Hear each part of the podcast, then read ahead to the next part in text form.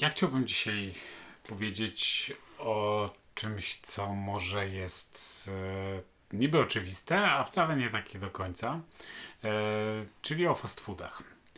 E, co mnie sprowadza do, znaczy chciałem to poruszyć, m, poruszon, Nie, nie, nie, nie przejmuj się. Y, Mów dalej, wiesz, to się wytnie, nie? Mhm. Okej. Jeszcze raz zacznij.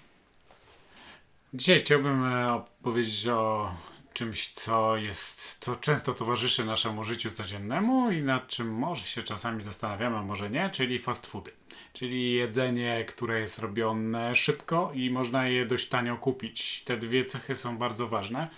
E, Dlaczego o tym wspominam? Po pierwsze, przy okazji tłustego czwartku, który miał miejsce niedawno, widziałem wypowiedź takiego gdańskiego cukiernika, który powiedział, że kiedyś ludzie pobijali rekordy w jedzeniu pączków i jedli ich po 10-11, a dzisiaj to liczą ile kalorii przy okazji zjadają. To jedna rzecz. A z drugiej strony e, widziałem ostatnio kilka publikacji na temat tego, w jaką stronę rozwijają się kolejne przedsięwzięcia e, takich zdrowych, zielonych fast foodów. No może nie fast foodów. Zaraz wytłumaczę o co chodzi dokładnie. Pamiętajcie, że rok 2016 to jest pierwszy rok od 70 lat, w którym w Stanach Zjednoczonych więcej zamyka się restauracji McDonald's niż się otwiera coś tutaj jest na rzeczy, że coś się zmienia i coś się zmienia w naszych zwyczajach żywieniowych, bo oczywiście z pewnym opóźnieniem, ale to wszystko dociera również do Polski. E, u nas wszelkie te zwyczaje mniej lub bardziej osiągają zasięg.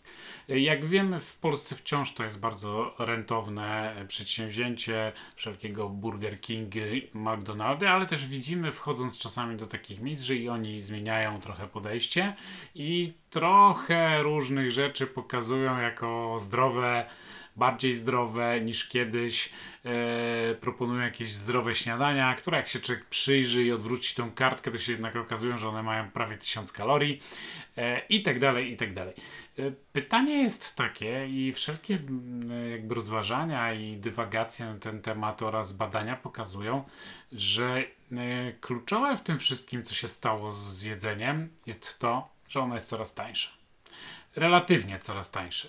W sensie takim, że kiedyś e, podobno jakieś 200-300 lat temu e, 3 czwarte naszych dochodów przeciętnego człowieka, oczywiście nie mówimy tu o magnacie czy szlachcicu, ale o przeciętnym człowieku sz- szło na to, żeby zapłacić za jedzenie. Jedzenie było niesamowicie trudne w przechowywaniu, czyli na przykład lepiej było zjeść surową rybę zaraz od rybaka kupioną, niż próbować eksperymenty takie, że za trzy dni ją podawać, bo ona po prostu już często była niedobra. Yy, I technologia, która umożliwiła przechowywanie, przetwarzanie e, żywności i radykalne obniżenie cen jest chyba ślepą uliczką. Doprowadziła do tego, że to jedzenie jest mega niezdrowe, e, mega kaloryczne, czyli też zawartość odżywcza jest dużo większa niż są nasze potrzeby.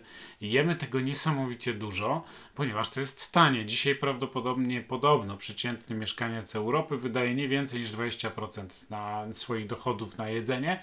E, No jest pytanie, czy gdyby wydawał kilka procent więcej, ale kupował trochę mniej, czy coś by się mu stało złego, czy wręcz odwrotnie. E, tak, zostawiam takie otwarte pytania, dlatego że też pewne, mm, pewne startupy czy nowe sieci, które powstają w Stanach i próbują dostarczyć tak zwane eko jedzenie.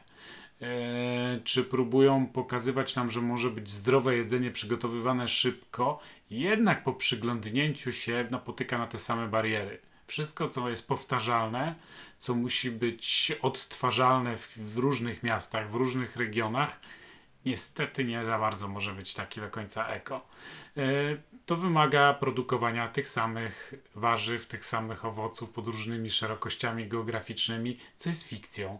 E, Transportowanie tego mm, wiele set czy tysięcy kilometrów e, też jest fikcją. Zobacz, przyjrzyjcie się w naszych sklepach ekologicznych, że na przykład mnóstwo wyrobów naprawdę przebyło daleką drogę do nas.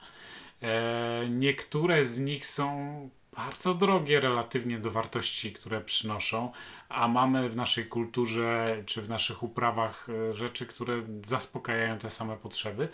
Tak namawiam do, do refleksji, bo uznaje się, że fast foody są niezdrowe. Prawdopodobnie tak jest, z wielu powodów, o których dzisiaj tutaj nie będę rozmawiał, ale mm, czy w ogóle jest możliwe mm, żywienie zbiorowe na dużą skalę? Czyli unikanie gotowania samemu, czy robienia sobie, przyrządzania sobie samemu potraw w sposób taki zdrowy, że będziemy wiedzieli, co jest w środku, czy w ogóle się da zrobić to relatywnie tanio i bez użycia różnych y, chemikaliów, które to utrwalają, y, sprawiają, że to jest smaczniejsze i tak dalej. Moja teza jest taka, że nie da się ale może kiedyś zaprosimy kogoś, kto jako specjalista będzie w stanie e, podać argumenty za lub przeciw. Jeśli Was to interesuje, to oczywiście fajnie by było, gdybyście o tym napisali. E, to tyle.